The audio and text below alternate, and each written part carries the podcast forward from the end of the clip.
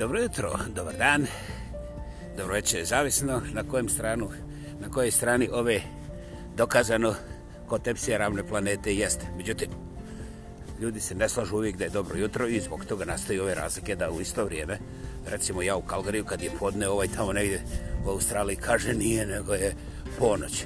Mislim, sa ovakvim nepravdama, naravno, dobrodošli slama sa vama, ja pa Jakob i drugi Vladimir Kreća, razrešavam nemoguća pitanja koje uopće niko nije postavio, još manje traži odgovor na njih, ali ja tu moram da briljiram ili briljiram, tu se još uvijek dogovaramo.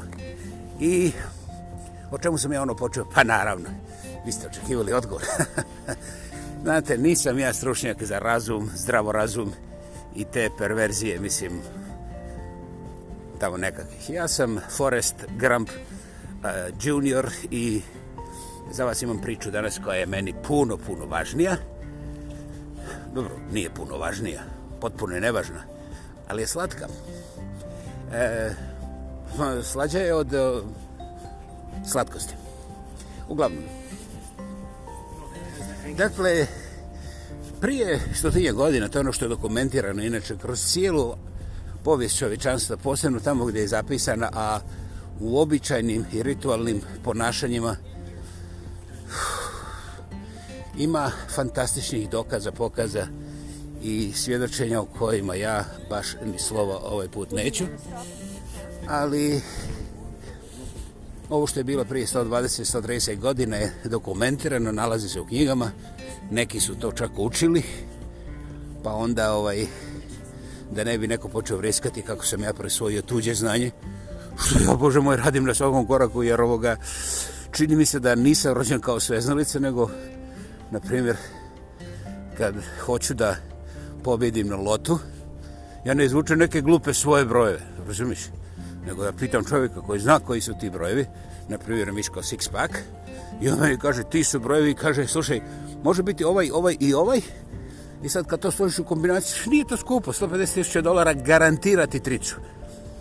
I ja se normalno zaletim, mislim, jer kako bi Miško Sixpack mogao da promoši. Ah, zašto se ja na zimi ovaj, šetam u Japankama kroz parku? Neće vam to objasniti Miško.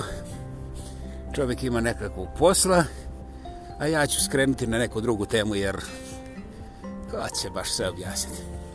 Dakle, u tome što je prije 120-130 godina, dobro neki da lijevo ili desno, jedan izvjesni, vrlo pronisljivi gospodin zamijetio, a ja mogu da spekuliram kako je on to sve vidio od tih antičkih nekakvih i ovih i onih, jer kod svakoga je, svakoga je bilo prisutno. Naime, on kaže ovako, kada, onda malo uvrsti tu biokemije koje prije nije bilo prisutno, bili hamba džamba, znaš, jer niko nije mogo da izmiri te stvari, ali on je kazao ovako, kada čovjek drage volje nekome nešto da, znači sada mjerimo, sada nismo pod ovim utiscima ili vjerovanjima, nego mjerimo.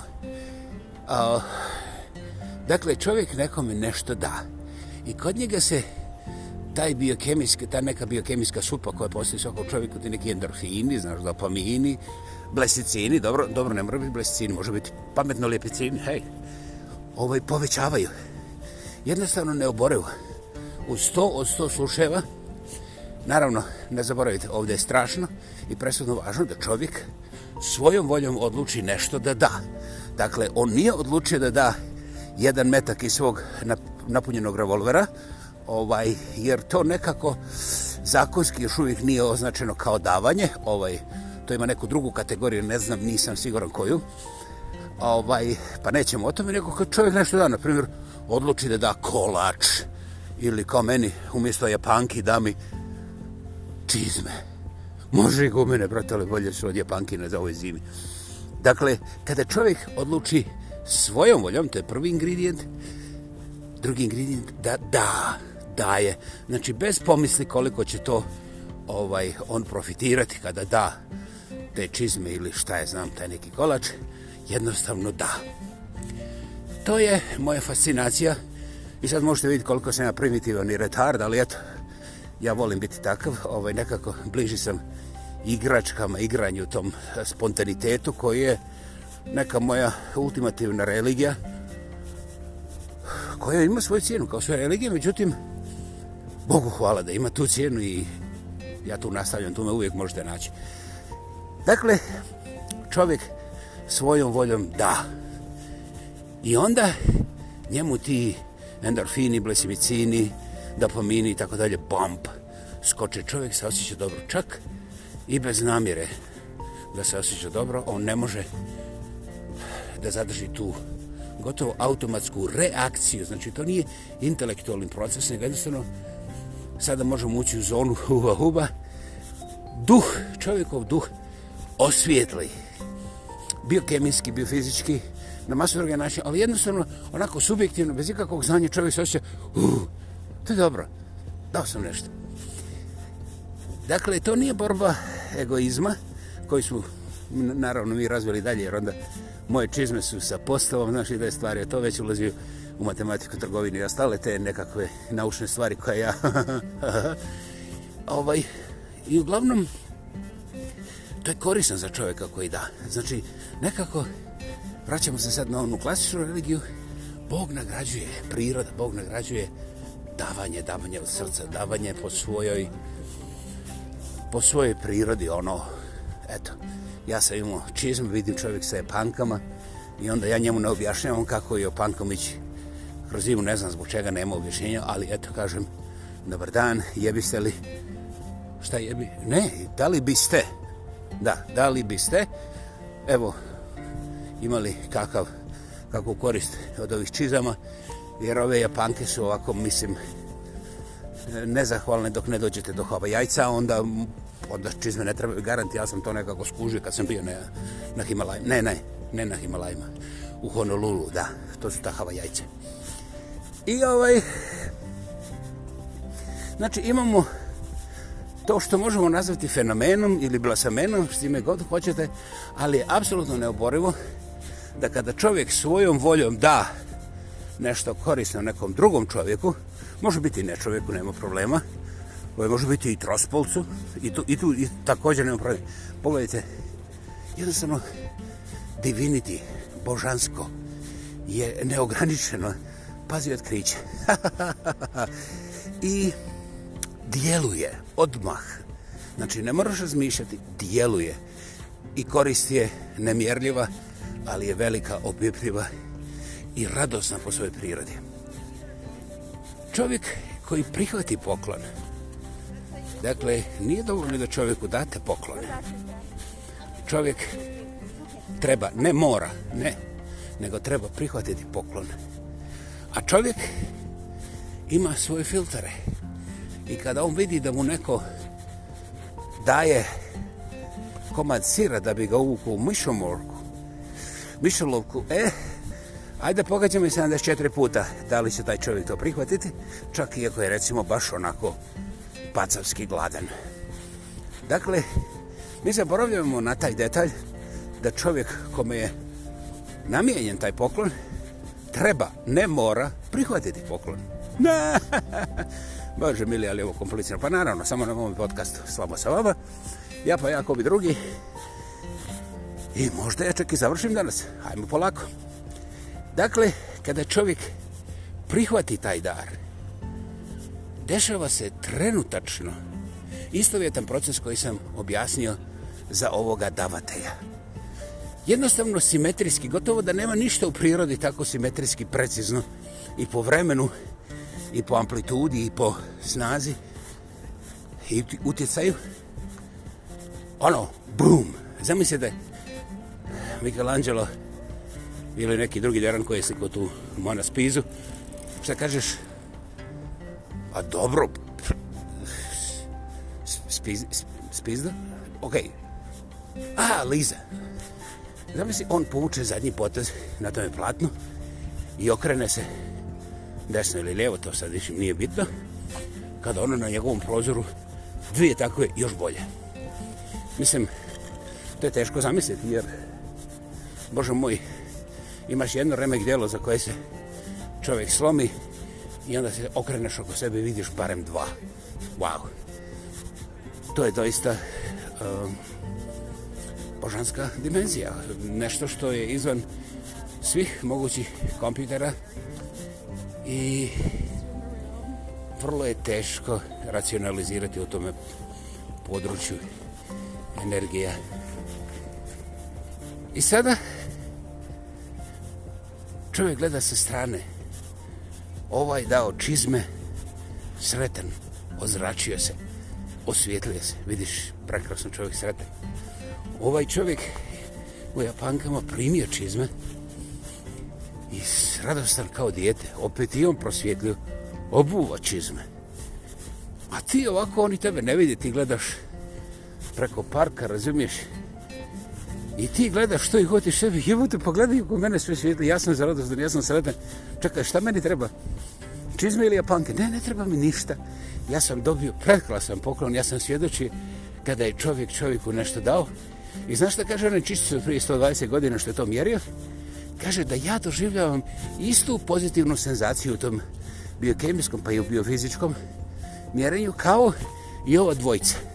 Znači imamo trostranu replikaciju istovjetnog božanskog efekta koji jednostavno nema pitanja, nema objašnjenja, nego ukoliko otvoriš dušu i daš, onda domino efekt božanski pozitivnog je trenutačan, apsolutan, neupitan.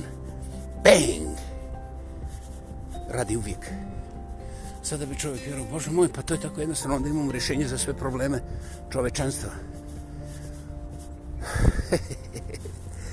pa ljudi, boji, mi smo rješenje imali na početku, a ovaj, pa smo onda zakomplicirali i naravno toliko krvi prolili da ja ne pomišljam dirnuti to u ovom momentu. Ali pomišljam da na efektu božanskog ili dobrog, kako god hoćete, to je zapravo jedan neraskidivi sinonim u realnom postojenju, snaga koja nas očuva oko nekakve dobre osobine, zbog toga još uvijek hodamo ovom planetom, a nismo sprženi nekim Forrest Grumpovskim dugmićima koji bi nas spržili, jeli? jer imamo dovoljno tih pucaljki da spržimo cijelu planetu više puta, ne samo jedan puta. I onda sam ja primijetio te društvene mreže, recimo taj ožalošćeni Facebook i sve to skupa. I onda sam rekao ovako. Naravno, ovdje nema članstva. Ovdje možete da koristite šta god hoćete. Na primjeru čizama, ja nisam rekao koje su proizvodnje, koje su visine. Jednostavno me nisu zanimale tehničke vrijednosti čizama. Ali čovjek koji je u Japankama bio u Zimskom parku, i vrlo dobro primijetio da su te čizme i tekako korisne u odnosu na njegove japanke i on je to sretno prihvatio i ja sam sretno svjedočio tome kao dobro, a nisam ni jednom ni drugom ništa rekao, pojmo oni nemaju da ja uopće postojim. Na istovjetan način. Ja vas zamoljavam da mi ne govorite šta su vam uradili na društvenim mrežama, jer nema nikakve sumnje bilo ko ko je bio dva dana na društvenim mrežama, bilo kojoj, sada ne govorimo o specifičnoj, je iskusio grko, neočekivano, brutalno, nada sve besmisleno i nepotrebno. Dakle, ja sam se ovdje zadržao na Facebooku, jer imam tu dosta prijatelja, većinu od njih nisam nikada vidio. I šta sam ja uradio zadnjih pet godina, dok sam prolazio kroz ove ha, neću reći kako je, ali to je bio jedan tunel egzistencijalni za mene. Ja sam trojici različitih ljudi, od kojih četvoricu nisam nikad uživo sreo, napisao e, pozitivna pisma. Rekao sam, naravno promatrajući njihovo, njihov govor konkretno na Facebooku i šta rade, na temelju toga ja sam rekao, ljudi moji, ja sam oduševljen. Recimo, tamo jedan čovac ima ekstremno dobro oko za narodne tradicije u prehrani. I ovaj, jednim iskonski autentičnim jezikom on opisuje kako se, na primjer, prave čvarci. Masa ljudi bi smatrala to za cinizam, međutim, upravo zbog toga ja sam napisao ozbiljno nekih pet rečenica govoreći hej, ne moramo se znati, ali ja čak ne moram ni objašnjavati da bih, kada bi se našao u 10 km blizine gdje vi spremate te čuvarke, ja bio prvi gost. Kakav Hussein Bolt i ostali sprinteri, ja bih tamo bio brže od svih ovih tih brzih. Čovjek je razumio. Naravno, ja nisam dobio odgovor jer je bio zbunjen.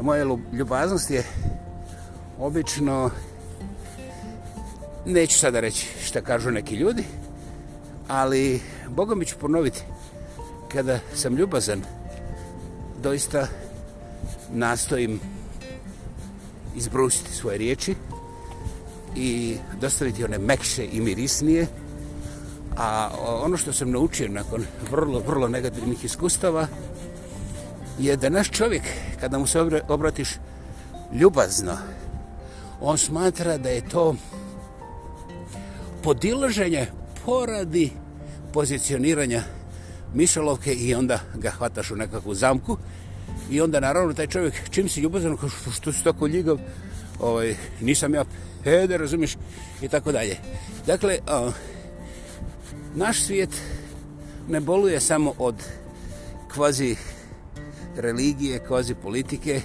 kvazi obrazovanja a, najveća ja mislim rak rana je taj intelektualno-emotivni promašaj koji je monstruozno suicidalan, ali je garantirano paranoičan, šizofreničan, šizofreničan, paraničan, paraničan, šizofreničan, nećeš ti nema ništa gledati, tako je.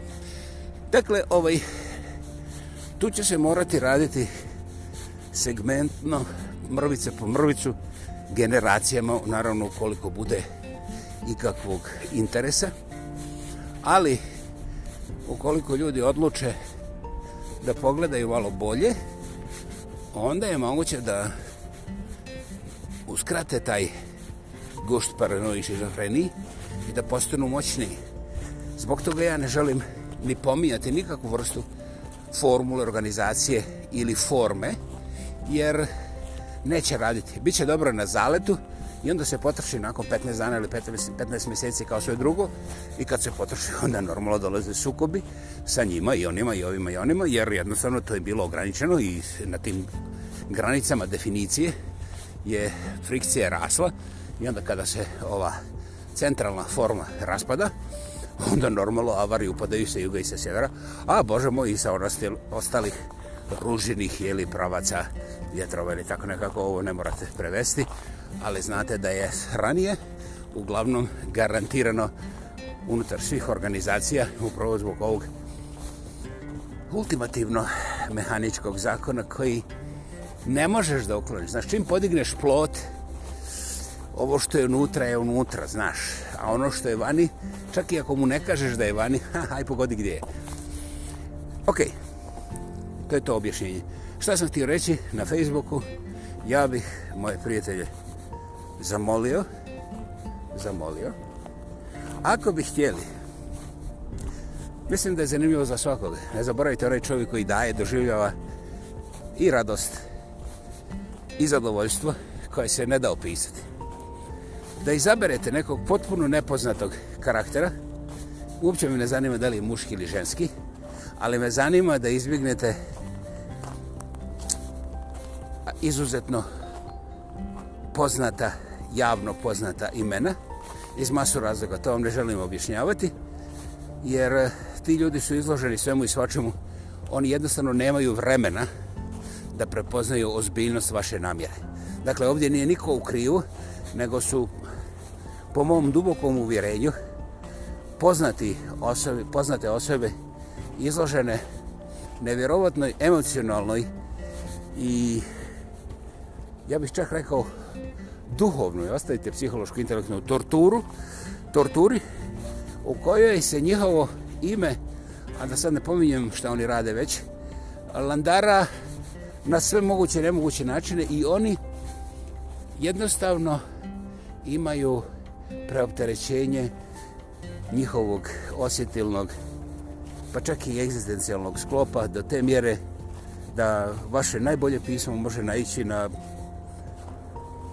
ajmo reći pristojnog ah, aktivno neprihvatanje.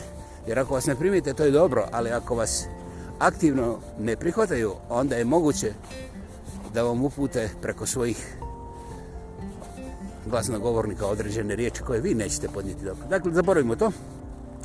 Izaberite, znači, nekog čovca, recimo ovaj meni sa čvarcima se strašno, strašno dopao, jer ja u zadnjih 20 godina nisam upoznao jednog čovjeka uživo koji zna bilo šta o čvarcima ili hoće razgovarati, svi drugi pobjegnu. Znaš, ja sam jedini seljak, oni su svi drugi građanovi, kao čvarak, šta je to, je li to nešto na ovome Ubuntu? I ja kažem, da, da, da, da, posljedno sa margarinom. Ja kažem, pa da, to su oni nama servirali kad smo išli u Boliviju sa ovim ovaj, salaminim pletom okolo leta. I ja kažem, divota ovaj, baš divno. Eto, dajte mi, ostavite mi taj restoran, ime proću pa ja kad budem više u Boliviji, baš tako razmišljam danas popodne. I hvala, idemo dalje.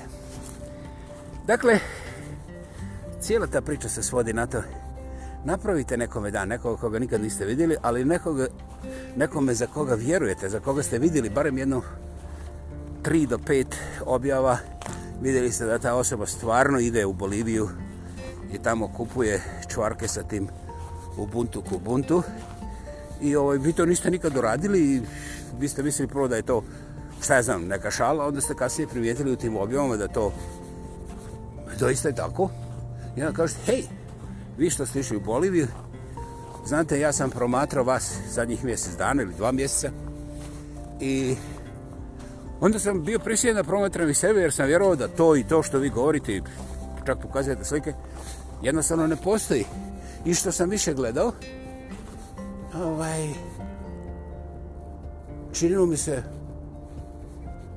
manje više od potpuno nemogućeg, pa onda do nemoguće da nije tako. Znači, mene ste ubijedili, ja nemam načina da provjerim, ono još nisam stigao do Bolivije, ali a mene ste ubijedili jer vi to toliko volite da ja ne mogu da se nasjećam dobro i vrlo rado sam slijedio i slijedim još uvijek te vaše objave o tome Bolivija u buntu u čvarcima, bumbungu paranda. I ovaj, to me čini radosnim. I onda ja naiđem na taj vaš opis, negdje u zabitima Facebooka, i kažem, pazi čovječ, ovo radi. Dakle, nema formalnog dokaza i pokaza, nema objašnjavanja, nema ko je uradio više takvih dopisa, ko je uradio manje, ali ima podjele ist, istinske ljudske dobre namjere, istinske ljudske reakcije potpuno istinske. Ono, nema provjeravanja, nema policije, nema nagrada, nema imena. Zadržite se imena, razumijete? Zadržite imena, pogotovo zadržite ako je to ovaj, recimo politički osjetljivo. Nije potrebno, jer a, sve što objavljujete na Facebooku, objavljujete pod imenom svog profila. E sada, ako je vaš profil lažni, znate, većina nas ipak osjeti šta je lažni profil. Jer ako se neko zove Štorc Murljević, Gringo, fethe prvi, e, vjerovatno će da je recimo iz Prnjavora je onako opako... Pa dobro, što smo brljali već Gringa jeste iz Prnjavora, ja ga znam, stanu je ovdje u ulici ovih e, pramenova, ne kestenova. I ovaj, ja nikad ne bih pomislio da je stvarna osoba, ali eto, častio me s kavom, pa moram. Ovaj, on se sakrije, jer se prije toga zvao Šunšuljo, se Sangović, i onda je morao da mijenja ime i kaže da ubeda, a dobro nešto, ako svjetski praktično i tako lupi dakle, ima, ima tih vještačkih gotovo nemogućih imena, čovjek treba uvijek biti da bude ovaj, otvoren, međutim, ako vi namjerno odlučite da budete dobri i ljubazni sa nekim ko vas je na Facebooku inspirirao, da odete oprati noge ili možda čak i zube, ne do Boga, ali eto, i to će se nekome desiti, ovaj, ili da primijetite kako je neko jednostavno dobra osoba i na sve negativnosti nastoji iz svog života izvući nešto što je za nas druge koji gledamo sa strane pozitivno, konstruktivno. A, ne proizvodi rat. Onda ja smatram da smo učinili veliku, veliku, veliku, nemerljivo veliku stvar. Jedan, jedan veliki jeho koji će trajati i koji nema, ponavljam, nema svoj centar, nema svoje ime i prezime, u smislu eh, Pero Perić je odlučio, tako ne, ne, nije niko. Vi odlučujete, vi odlučujete da posijete dobro i to je ono što bih ja nazvao molitva za život na Facebooku za potpuno nepoznate ljude koje niste uživo sreli ni vidjeli, nego jednostavno čitali ste i gledali ste šta oni objavljuju na društvenim mrežama. A, mi se nikad nećemo vratiti u svijet bez interneta, I zbog toga ovakva jedna reakcija, ukoliko biste htjeli da prihvatite ovo i barem jedan put u tri mjeseca objavite svoga favorit, znači omiljenog nekoga sa svoje liste prijatelja ili negdje koga ste vidjeli i da unutar 4, 5, 6, 10 rečenica najviše napišete ili izravno toj osobi ili napišete samo objavu i kažete ljudima, evo, ja sam na Facebooku doživio takvog i takvog. Molim vas, svi smo mi svjesni da na Facebooku svaki dan hiljade njih traže pomoć za neizlječive bolesti, za sirotinju i redom sve to skupa. Ja oko toga nisam spomenuo namjerno niti jednog slova u ovome svome podcastu postoji mis, masu razloga, nećemo ih dirati. Ja to pominjam zbog toga što ovo što vas pitam da objavite dobru priču o nekom koga ste sreli i prepoznali po dobru na Facebooku je vrlo specifično. I to ne kaže da ljudi sa terminalnim bolestima ili ljudi sa a, financijskim problemima ili ovi kockari ili oni tamo da ne postoje. Recimo, ja sam vidio čak se drugarice prodaju na Facebooku, nije mi jasno kako ih Facebook nije isključio, vjerovatno i one plaćaju, to je neki fond, nije u pitanju moje ovaj, čačkanje, nego eto, onako, po tim generalnim pravilima ne bi trebalo da profesionalke budu na Facebooku, jer eto, može biti nečije dijete, na primjer. Ali jesu, dakle, ne zanima me to, zanima me da iz dobre volje, da iz dobre volje svjesno odaberete nekoga koga nikad niste vidjeli, i baš onako iskreno djetinje napišete hej, ne morate reći da li je to Pero Perić. Šta je znam, možda je neko ljubomoran kod vas. Ali kažete, takav i takav čovjek koji recimo tako i tako pravi čvarke i onda objavljuje o tome zadnjih tri mjeseca.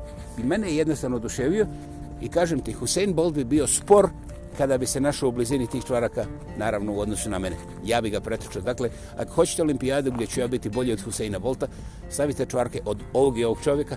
Ali, ne mora biti ime. Nego taj čovjek pravi čvarke kao niko na svijetu. Eto, mislim, e, ja sam išao u previše detalja i u previše sitnu točku, ali vi imate široke duše, vi imate široku dobru volju i ako biste htjeli nastaviti sa tim člancima koji ne moraju imati voznog reda, ja sam predložio dva, u dva, tri mjeseca da napišete barem jedan, osjećat ćete se bolje odmah, ja garantiram. Inače, s punim imenom i prezivenom prihvatam odgovornost na, tvo, na svom vlastitom privatnom personalnom uh, Facebooku Vladimir Kreća. Tamo me možete naći i prihvatam sve odgovornosti za ovo što sam vam rekao. Ali vam garantiram predivan osjećaj nečega što je toliko lijepo da se ne da staviti u riječi. Bila je ovo slama sa vama, Vladimir Kreća, ja pa jako drugi. Hvala vam, hvala vam ujutru, u podne, na večer zavisno gdje se nalazite. Ja i dalje tvrdim da je ovo ravno planetama. Kakva nije okrugla 100%, ali tu ćemo se potući sljedeći put, jer naravno čim dođe feudalizam, dokazi za još ravniju planetu od ove ravne planete će biti iznešeni, a možda i neće, međutim, koliko ne budete vjerovali, ja ću vas ovaj kritizirati u, u dva podcasta odjednom. Ha, ha, ha, pa to je velika misterija. Doviđenje, lijepi moji.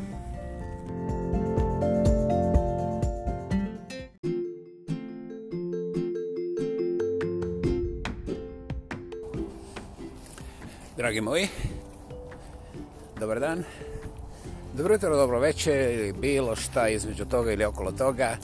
Zavisno o tome na kojem dijelu ove kotepsija, nesumnjivo ravne planete, se nalazite. Danas komunizam, feudalizam i sve te ljepote kojih se nikako ne možemo otarasiti – jer su nam duboko u srcu, ako nisu u srcu, onda su u kostima i tresu i na jednom i na drugom mjestu. Prepoznali ste Slama sa vama, ja pa ja, kobi drugi, Vladimir Kreća ispod veličanstvenih stjenovitih planina. I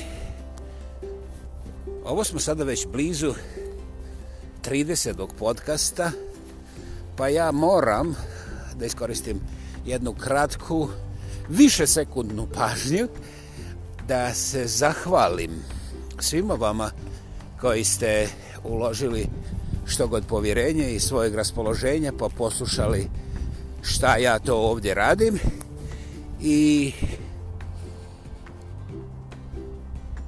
shvatite kako hoćete međutim osjećam se fantastično iznenađen sam pozitivno i da ne nabrajam redom to ćemo raditi kasnije. Ali ako ovako nastavi, ja sam potpuno novi čovjek jer slušateljstvo vaše kalibra čini nevjerovatne stvari.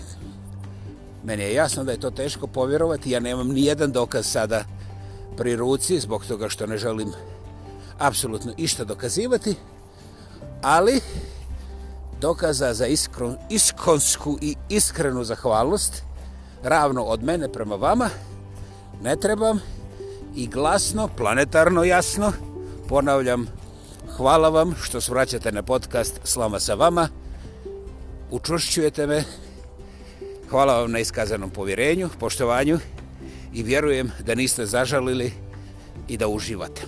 Idemo. Dakle, Gosen komunizam je jedna od onih riječi od kojih se užasavaju u Filadelfiji. Čuo sam u Oslu, Brazilu. A ako dođete u Sjevernu Ameriku, to je jednostavno riječ koja je prljavija od kuge. Interesantno, po mom dubokom uvjerenju, upravo u Sjevernoj Americi uh, koliko sam ja uspio da se zainteresiram i da porazgovaram sa nekim ljudima koji nisu baš uličari, oni doslov se pojma nemaju što je komunizam. Naime, sve što je rusko komunizam, sve što nije rusko nije komunizam. I onda ti padne napomen da im kažeš, a kinezi? Šta kinezi? Pa ništa, ima ih pet puta više nego Rusa, pa čak i ovi sjeveroamerikanaca. I ovaj, koji je kod njih kao ono, politički znači? O, oni ne poštuju ljudska prava, lijevo desno. Ok, ok, ali kako se zove njihova politička partija na vlasti? Pa kako misliš? I onda ja otiram sebe ovaj, ne baš na godišnji odmor. I tako godinama pratiš sve to i tu i tamo se spomene da Kina doista ima komunističku partiju na vlasti, ali uglavnom se zna da oni svoje ljude ne poštuju ta ljudska prava i te sitnice. Međutim, komunizam je nekako zaspo zabetoniran vječno za Rusiju, bez obzira što ona ipak nije nekakav SSR više i što su se desile neke izvjesne promjene, ja sada ne govorim da su te promjene antikomunističke, ma ne do Bog, sve su to komunisti, samo eto, sad su demokratski komunisti, eto, to je, sad možemo složiti, možemo. Ono što ipak nije za pohvalu, kada ljudi iz takozvanog najslobodnijeg od svih slobodnih svjetova, to jest najdemokratskije demokracije od svih demokracija koje su demokratične. Dakle, govorimo o USA, D, odnosno komšijama, Kanada. Ovaj, kada oni na svakom koraku vam baš sve polariziraju po principu mi i oni, mi smo kao demokrate, a ovi su kao komunjara, onda nije nimalo čudo, čudno što recimo potpuno otvoreni fašizam. Cvijeta na više lokacija u Severnoj Americi. Ja ne bih spominjao druge trendove u tom smislu. Dosadno je. Dobro, može biti ljigovo, zavisi ko šta preferira. Međutim, fašizam je ovdje nekako domaća biljka. To nije opasnost. Opasni su crveni. Opasni su oni Razumiješ, komunjare. I to se izgovara sa takvim strahopoštovanjem da meni često puta da izvineš stolica bidne ovako zakasni dva, tri dana. Smrzne mi se sve čoveče koliko ima taj grdi komunizam utjecaje na te fine, slobodoljubive, demokratske ljude ovaj, i ljudice koji žive u najdemokratskoj demokraciji od svih demokracija na demokratskom svijetu. Definitivno. Ja sam pokušao razgovarati. Naravno, ne kvalificira čak niti za naivno. Jer prođe ti jedno 4-5 godina dok shvatiš da ljudi ovdje imaju vrlo široku lepezu izbjegavanja. Naime, prvih 5 godina kad ti njih pitaš čekaj, ja sam samo rekao komunizam, ja, ja nisam nikad bio komunist i stvar ode, ode, ode definitivno. I ti pitaš, pa dobro, što sam... Onda oni kao ovaj, moraju upravo tada dogovore na telefon. Eh, ako nema telefona, vidi, mali mi je otišao, razumiješ? Mala istina nije ni bio tu, ali ona ima malu, a ne maloga. da zanimljivo, to je sitnica. I onda ne može da stigne da ti objasni.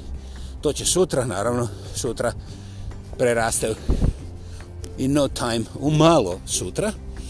I ovaj, tako potrošiš pet godina dok ono preispitaš sebe, jebote, upotrebljavamo dvije, eventualno možda tri riječi, ovaj, i ljudi odjednom se izgube, ne razumiju. Nakon pet godina ti je htio ili nehtio je jasno da ljudi više nego razumiju svako tvoje slovo, pa čak prije nego što udahneš da bi ga nekako izgovorio, ali razgovor na temu k i onda ono homunizam se ne može resiti. To je stvar koja je opasnija od korone, korone i ovaj, to je tako opasno i strašno i definitivno. Dakle, nakon pet godina čovjek počne razmišljati, jebate miš. Znaš, ako neko nekim slučajem zatvori tu kinu, recimo što ja znam, neki Forest Crump, ovaj, i stanu brodovi dolazi iz Kine, mi nemamo čačkovice, mi nemamo tog takozvanog stari zadnjicu papira. Mi nemamo plastičnih žlica, mi nemamo konzervica, mi nemamo riže, mi nemamo... Uh, I sad, bez imalo šale, ako Kina prestane slati svoje brodove za Sjevernu Ameriku, doslovce polovina dućana mogu staviti ključ u bravu. Ili, ako ne stave ključ u bravu, onda će svi biti barem napola prazni ono što ostane skočit će preko noći po cijeni e, eh, 3 za 1. Znači neće biti puno, 300%. Da li to znači da su kinezi pametni i superiorni? Znate, na idiotska pitanja, he, eh, ja ne bi čak davo ni idiotske odgovore, ali eto, ja znam kako je u kanalizaciji, pa ću pokušati samo jednu sitnicu da pojasnim. Naime, ovakav odnos je nije slučajen odnos i ne potpada u pitanje primarne politike, znači političkih principa, znaš, mi smo ovi, vi ste oni, pa ćemo ovako, no. To je neka mješavina razno raznog svakog koječega, e, sad sam otkrio jednu riječ, i pošto ja tu ne želim zalaziti, ja samo želim da naglasim da Sjeverna Amerika može da proizvede, može, dakle, može da proizvede sve što se proizvodi drugdje u svijetu. Doslovce. Pogotovo čačkalice, pogotovo tarigoz. I sada ne napominjem te high-tech proizvode. Međutim, Sjeverna Amerika želi da drži predavanja tim upisanim komunjarama o ljudskim pravima, a istovremeno siše krv tim radnicima i vrlo rado plaća posao koji je u Sjevernoj Americi, znači jedan radnik koji proizvodi čačkalice u Sjevernoj Americi, neće imati manje od 15 dolara, ali zato gospodi demokratama Sjeverne Amerike nimalo ne smeta što kineski radnik istovjetni posao i puno kvalitetnije radi eh, uvr glave za 10 puta manji manju naknadu, manji novac. Dakle, kada bi Sjeverna Amerika vjerovala u demokraciju i čojstvo, brate, da ne zaboravimo Crnu Goru, znači karakter, znači Boga u koga se kunedu, in God we trust, in God we blast, jest, jest, i to rade, odmah iza trust, odmah blast. Dakle, moraš da im vjeruješ, nemaš izbora, ili poslije blast, ti si past. Ovaj, dakle, kada bi oni vjerovali u ljudska prava, kao što vjeruju u Boga u koga se kunedu i demokraciju nećemo više spominjati, onda bi oni pošto umešli da su platili toga Kineza 15 dolara, oni su ga platili najviše, najviše dolar i po, onda bi oni rekli ovako, kada Kina nama to isporuči u Seattle ili Vancouver, ta čačkalica nas, kao šta sada, taj rad, uzet ćemo tog radnika, je došao na 2 dolara. I sada mi lijepo mrtvo hladno dodamo na ta 2 dolara i još 3 dolara zarade, jer moramo da zaradimo moramo mi ovdje, mi ne možemo kao kirezi da jedemo šaku riže. Mi moramo šaku mesa, dvije šake piva i tako redom. Znači 5 dolara. I onda odvojimo na dolar dva za krađe, došli smo na 7 dolara. I onda je ostalo još 3 dolara da platimo našoj državi kao takse, ono, ali isto izmuljamo naš lijevo desno. E sad, pošto smo uštedili 5 dolara na tome jedniku, našem domaćem sjevernoameričkom radniku, a imamo ta 3 dolara gdje možemo da mrdamo gore dole, onda, kad bi mi stvarno vjerovali u Boga, a ne lupentali priče o komunizmu, neko bi se sjetio ne da vrati taj dolar kineskoj državi, nego fino, da se napiše spisak radnika koji proizvode čačkalice i onda na kraju mjeseca, kad se to namnoži, svakome od tih radnika pošalje se od tih 3 dolara 1 dolar i kaže se evo u ime tvojih ljudskih prava mi ne možemo ubijeti tvoje komuniste ali valjda ćeš ti moći da imaš čvršći glas kontra njih ako imaš dolar više u džepu za svoju familiju pa možete na primjer da kupite šta je znam dvoje cipele ili dva radioprijemnika jedan da sluša Ameriku drugi samo da sluša te komunističke stvari a? na primjer, za 743 godine vi ćete pristići i u demokraciju. Ali ovo mi smo drage volje dali mimo sistema, mimo institucija, jer Kina nije zatvorila granicu za personalno slanje novca. Naime, ako hoćete sada Tsing Tong Kang u Shenkuanu, pogledajte, znam sve da je njihove grada.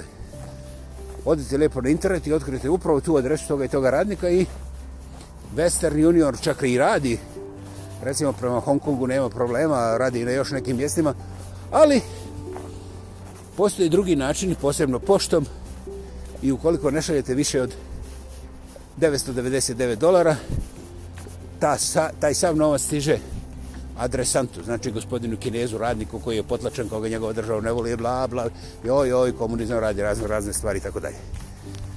Međutim, broj kineskih radnika koji je od zapadno-zapadno ne bih rekao evropski, sada ćemo se zadržati na samo sjevernoameričkom kontinentu od tih sjevernoameričkih demokrata kršćanskog opredeljenja, znači broj kineskih radnika koji je od tih najglasnijih kontra tog komunističkog zuluma poslao bilo kakav novac bilo kojem kineskom jedniku je za sada nezabilježen i vjerovatno nije nula ja sam naslutio da može da bude jedan do dva komada, može i tri, četiri, jer umeđu vremenu ko zna šta se sve desilo. Znači, ja ću to zaokružiti na pet ljudi, da su to doživjeli, i onda još ostaje samo milijardu i petstotina miliona ovih koje mi strašno sažaljavamo, a ne radimo ništa osim što im pijemo krv, kupujući njihove proizvode po najnižoj mogućoj cijeni, i plaćajući njihovim zlotvorima sve što oni zamisle da bi mi mogli imati jeftin proizvod u startu koji onda preprodamo našim radnicima koji više nisu radnici nego su djelatnici. Bože moj, i vjernički i politički, to je čista krema. Naravno, krema ima jedan problem koja kada se jede previše, jeli, onda postane krv slatka, a slatka krv je prilično gorka činjenica u zdravstvenim vodama. Ok. Eto ga, tu smo. To je taj neki prvi korak. I sada možda, možda da razaberete zašto je komunizam tako grda nekakva, uuu, nemojte o tome, ovaj, riječ. A šta je komunizam stvarno? Kad smo prešli onih pet godina, ja pokušavam sada ovaj, da sumeriram neki, neki koncizan odgovor i znate šta, ne mogu. Ne mogu jer besmisao doista nema definiciju. To je ono što zdrav čovjek prepozna bez jedine, jedne jedine riječi u otprilike 0.2 to 3 seconds. Znači, dvije do tri desetinka. I to ne prepozna mozgom, nego prepozna svojim osjetilnim kapacitetima i to je ono što ja nazivam božanski dar čovjeku, čovjekovom. Dakle, nećemo se uvjeđivati, vi sami osjetite šta je besmisleno. Tako sam ja osjetio da nakon onih prvih pet godina o toj riječi komunizam, gdje ljudi se izgube, ne razumiju naglasak, riječnik, tetka, klinac, telefon izgubljen koji nije izgubljen, sateliti, onda dolazi taj period kada više toga nema i kada slučajno se desi da ta riječ zbog bilo čega se pojavi u društvu, onda čovjek zna da postoji samo jedna opcija, a to je pljuc, pljuc, povraća odmah i nema komentara. Ako poželiš nešto pitati, onda brzo naučiš da je to skupo glupo pitanje koje je hej, ko te ganja da izlačiš glavu, mislim, ono, na panj. I sad, šta se dalje desi, to je komplicirano. Ovaj, naravno da nema govora o fizičkoj eliminaciji, koja bi po meni bila i jeste uvijek poštenija. Jer, znaš, svako umre u svom objecijenju. Međutim, ako te neko kuva i, što kažu ovdje, gaslighting, znači, ubjeđuje da to što tvoje pamet i oči vide i percipiraju nema veze sa onim što je stvarna istina, a pogotovo to što ti intelektualno pokušao, što je oh, neprihvatljivo, kakav, kakav intelektni komunizam. I onda vidiš da je stvarno, kada bi bilo te fizičke eliminacije, da je to Boži dar. Apsolutno Boži dar na svakom nivou, neću sad da objašnjavam, S tim što ja ne zagovaram fizičke eliminacije, niti podržavam. Međutim, kada postavimo fizičku eliminaciju kontra mužganja i mečenja takozvane istine koja nema veze sa nikakvom istinom već u samom početku, onda sam bez ikakvog pitanja za fizičku eliminaciju. Počnite od mene. Završeno. Dakle, komunizam kada se raspadao, čak i sa svim svojim oružjem, nije bio ni dijelomice opasan kao što je opasan danas, kada se uglavnom u najvećem dijelu svijeta raspao. Danas taj mrtav komunizam izaziva nevjerovatne šokove i tragične posljedice kod sve većeg broja ljudi. Ljudi su zakamenjeni. Ljudi misle da ako neko u njihove bližini kaže dva put komunizam, da su oni onda ostali bez vjere i bez religije, jer komunisti su ta reakcija kontra Boga i naravno zabranjuju čibusa odmah, a onda redom i sve ostale božanske te institucije. Ha.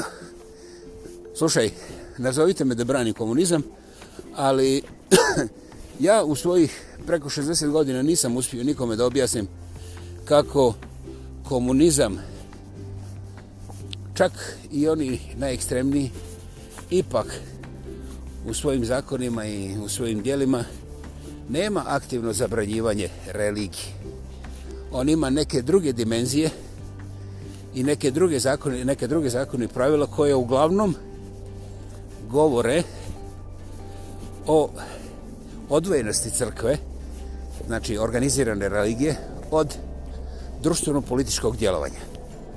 Dakle, kako se to u praksi izvodi, sasvim sigurno traljavo i neperfektno, ali i najgluplji komunizam nije dovoljno glup da shvati kako crkvu i religiju može preko noći da isključi sa, znaš ono, on-off switch i sad nema toga komunizam je i takako bio svjestan moći religije i institucija religijeznih svjedbenika.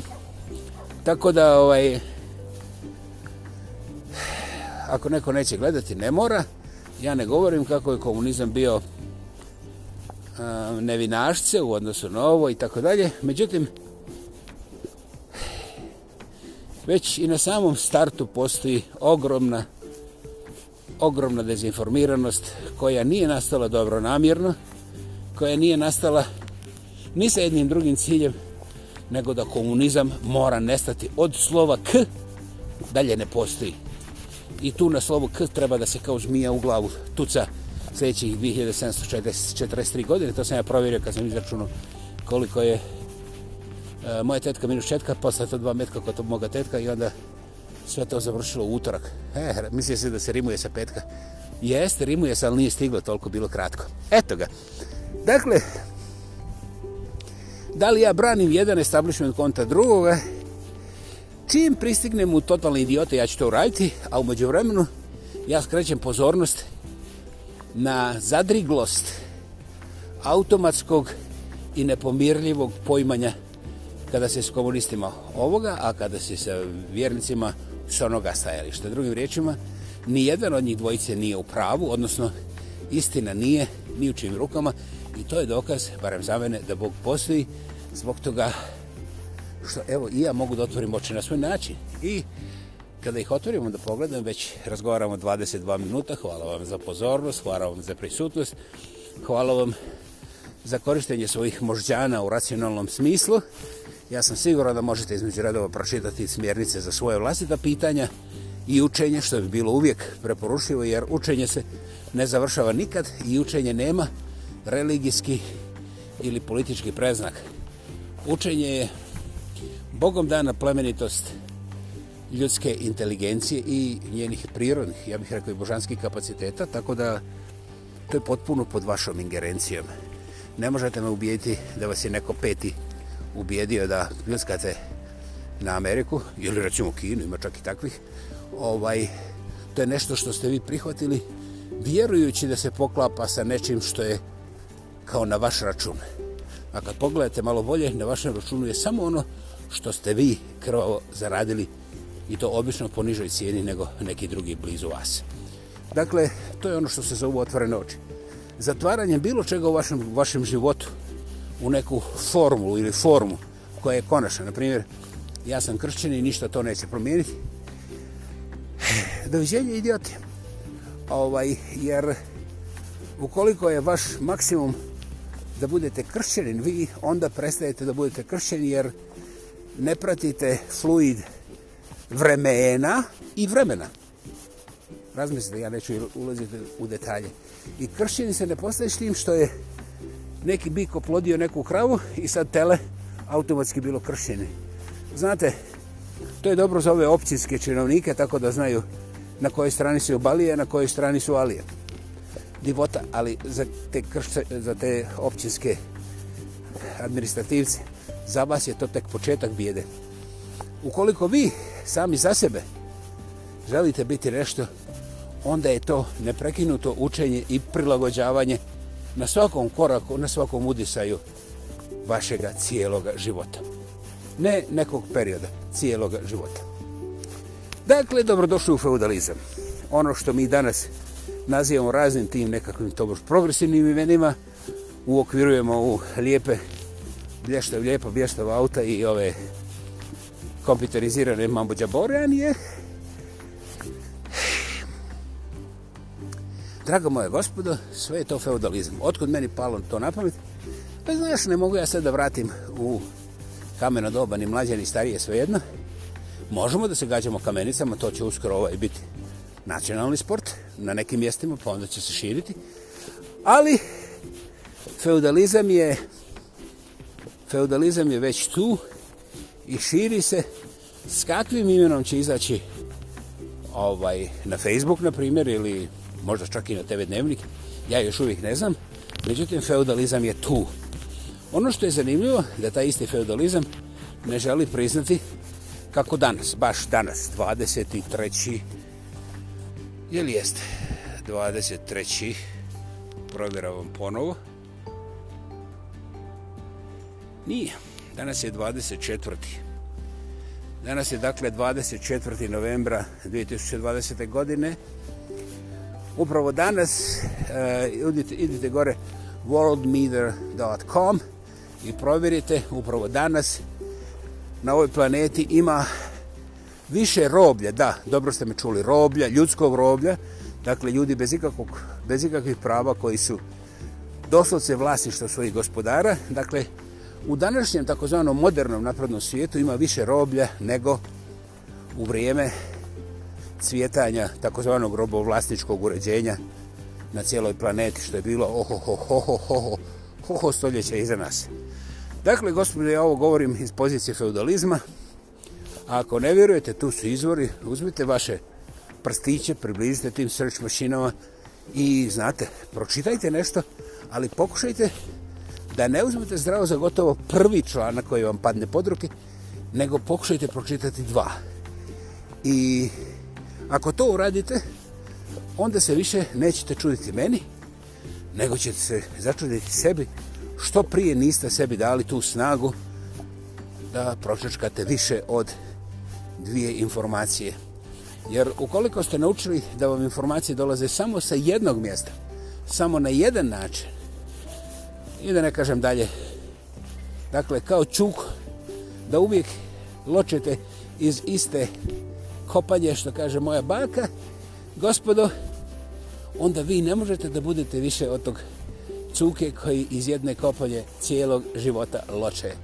Dakle, ako hoćete iz jednog centra da ločete i da budete čuku i da mrdate repom, kako vam gazda kaže, e, ne postoje oružje koje vas može zaustaviti.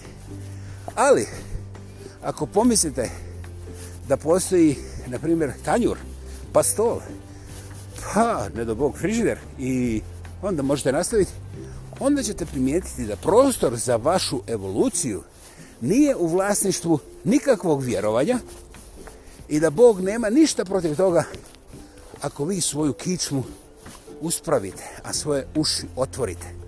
Magija božanskog nije u obrakadabri institucionalne religije koja vas instantno, znači isto istog momenta sukobljava sa svim ljudima koji samo milimetar manje imaju zalijepljenost za taj službeni religijski format koji je jedini pravovjeran.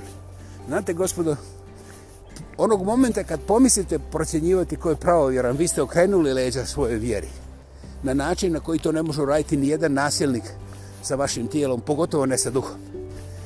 Vi, judge, Ako vi ocijenite da je moja vjera manja od, od vaše ili obruta, svedno mi je. Vi ste okrenuli leđa svoje religije, vi niste više religiozno aktivna osoba. Vi imate fantazije, a fantazije dovode sukobe i nesreću svake vrste na svakom koraku. I tome ne mogu biti krivi ni komunisti ni kapitalisti, nego ima nešto što se zove ego. Ego. I taj ego, kad se premože s ovim mastima, on zna fantastično da manipuliše čiji je veći. Ka, ovaj, mislim, kadilak ili, recimo, taj vjerski izražaj. Ha, nešto već jeste. Dakle, otkud meni ideja o feudalizmu? Pa,